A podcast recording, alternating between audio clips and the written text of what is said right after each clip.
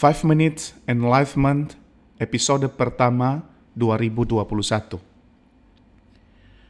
Pertumbuhan iman adalah impian semua orang percaya. Baik yang baru percaya kepada Kristus maupun mereka yang sudah begitu lama menjadi orang percaya kepada Kristus atau sudah begitu lama menjadi orang Kristen.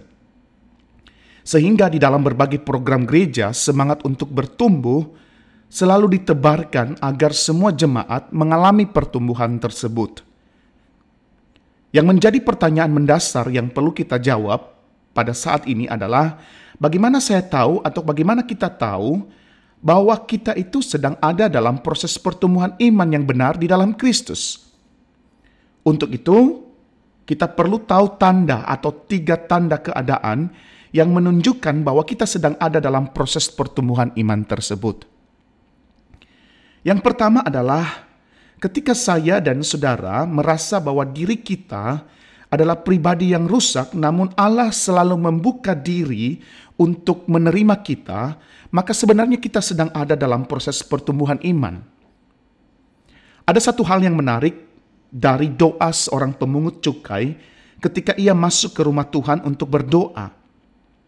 Dia mengatakan doanya kurang lebih begini. Ya Allah, kasihani aku orang yang berdosa ini. Apa yang saya maksudkan? Pemungut cukai ini menyadari ketidaklayakannya dan dia menyadari kerusakan hidupnya yang amat berat. Maka satu-satunya permintaannya dalam doa tersebut adalah meminta dikasihani oleh sang pemilik kehidupan. Lebih menariknya lagi, kisah ini tidak berakhir begitu saja tetapi ditutup oleh Yesus dengan mengatakan bahwa orang ini atau pemungut cukai pulang sebagai orang yang dibenarkan oleh Allah. Sedangkan yang lainnya itu orang Farisi yang sama-sama datang ke rumah Tuhan untuk berdoa, pulang dengan tidak dibenarkan oleh Allah.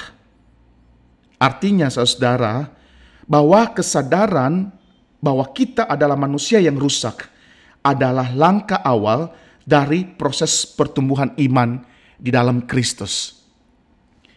Yang kedua adalah ketika kita merasa bahwa perjalanan ini atau perjalanan iman kita adalah perjalanan iman yang belum rampung, belum selesai sehingga harus terus diperbaiki atau harus terus memperbaiki diri.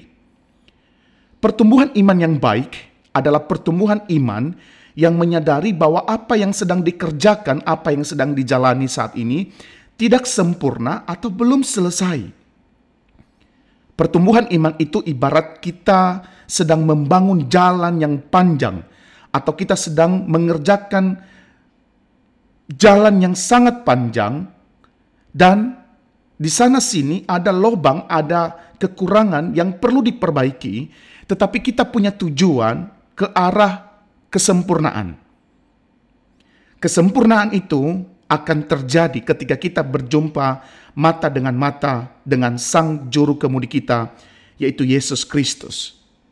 Artinya, seseorang yang merasa diri sempurna di dalam Tuhan, justru dialah orang yang tidak sempurna dan belum rampung dan memerlukan perbaikan sana-sini sampai berjumpa dengan Yesus.